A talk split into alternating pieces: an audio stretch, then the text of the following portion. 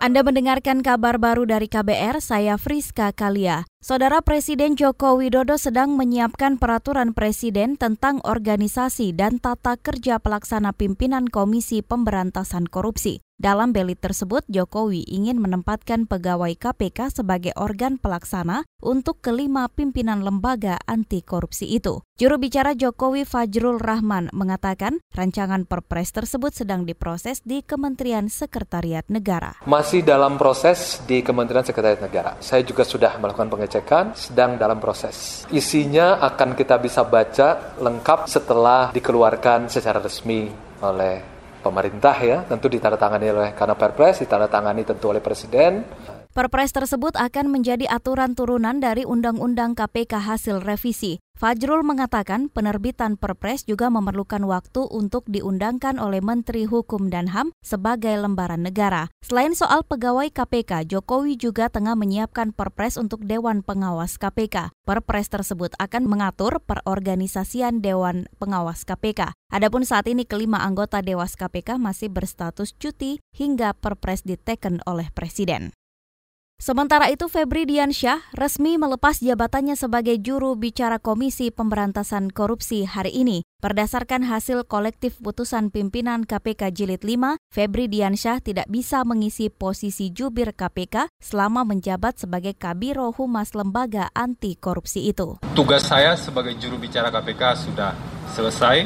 Jadi ke depan posisi juru bicara atau orang yang ditunjuk atau orang yang dipilih baik dipilih, ditunjuk untuk sementara, atau dipilih melalui proses seleksi, nanti akan dibicarakan lanjut oleh pimpinan. Saya sudah menjalankan tugas dan fungsi sebagai juru bicara ini sejak Desember tahun 2016, jadi eh, sekitar sekitar tiga tahun. Saudara Febri menambahkan ia dipilih dan dilantik pada 6 Desember 2016 sebagai Kepala Biro Humas KPK. Kata Febri pada saat itu KPK belum memiliki nomenklatur mengenai jubir KPK. Sehingga adanya peraturan Okarta KPK tahun 2018, Febri masih diminta pimpinan KPK untuk mengisi posisi sebagai jubir, kendati masih berstatus Kabiro Humas KPK. Sebelumnya, pimpinan KPK mengumumkan kepada publik ada enam jabatan struktural di KPK yang kosong, termasuk juru bicara. Wakil Ketua KPK Nurul Gufron mengatakan jabatan itu akan dilelang pada pertengahan Januari 2020.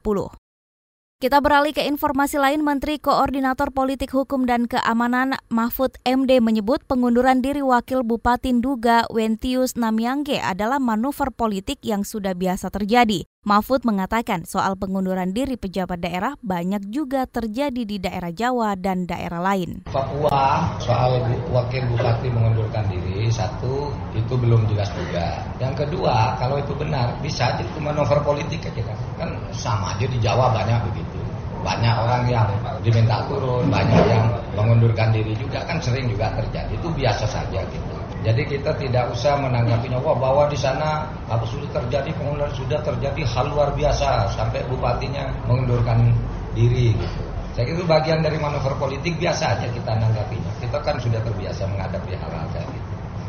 Saudara sebelumnya Wakil Bupati Nduga Wentius Namyangge menyatakan niatnya mengundurkan diri dari jabatan di depan seluruh warga Nduga pada selasa lalu. Wentius kecewa karena ada warganya yang tewas ditembak aparat dan tak sanggup melihat sejumlah kekerasan hingga pembunuhan yang menimpa warga sipil. Menurutnya, kehadiran tambahan personil TNI ke Nduga justru menimbulkan ketakutan hingga warga memilih mengungsi ke wilayah lain.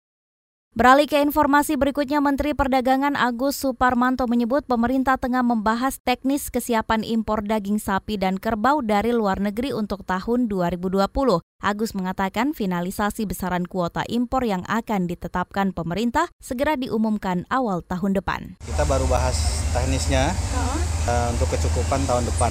Belum belum di, difinalisasi nanti masih ada pembahasan berikutnya berkaitan dengan uh, daging ya, daging kerbau maupun sapi uh, termasuk beras ya CBP.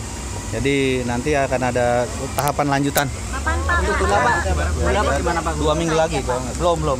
Saudara menurut Agus Suparmanto, kuota impor daging sapi dan kerbau nantinya diharapkan bisa memenuhi kebutuhan dalam negeri. Ia meyakini kuota impor nantinya akan diputuskan secara cermat dan efisien dengan perhitungan yang matang. Demikian kabar baru dari KBR, saya Friska Kalia.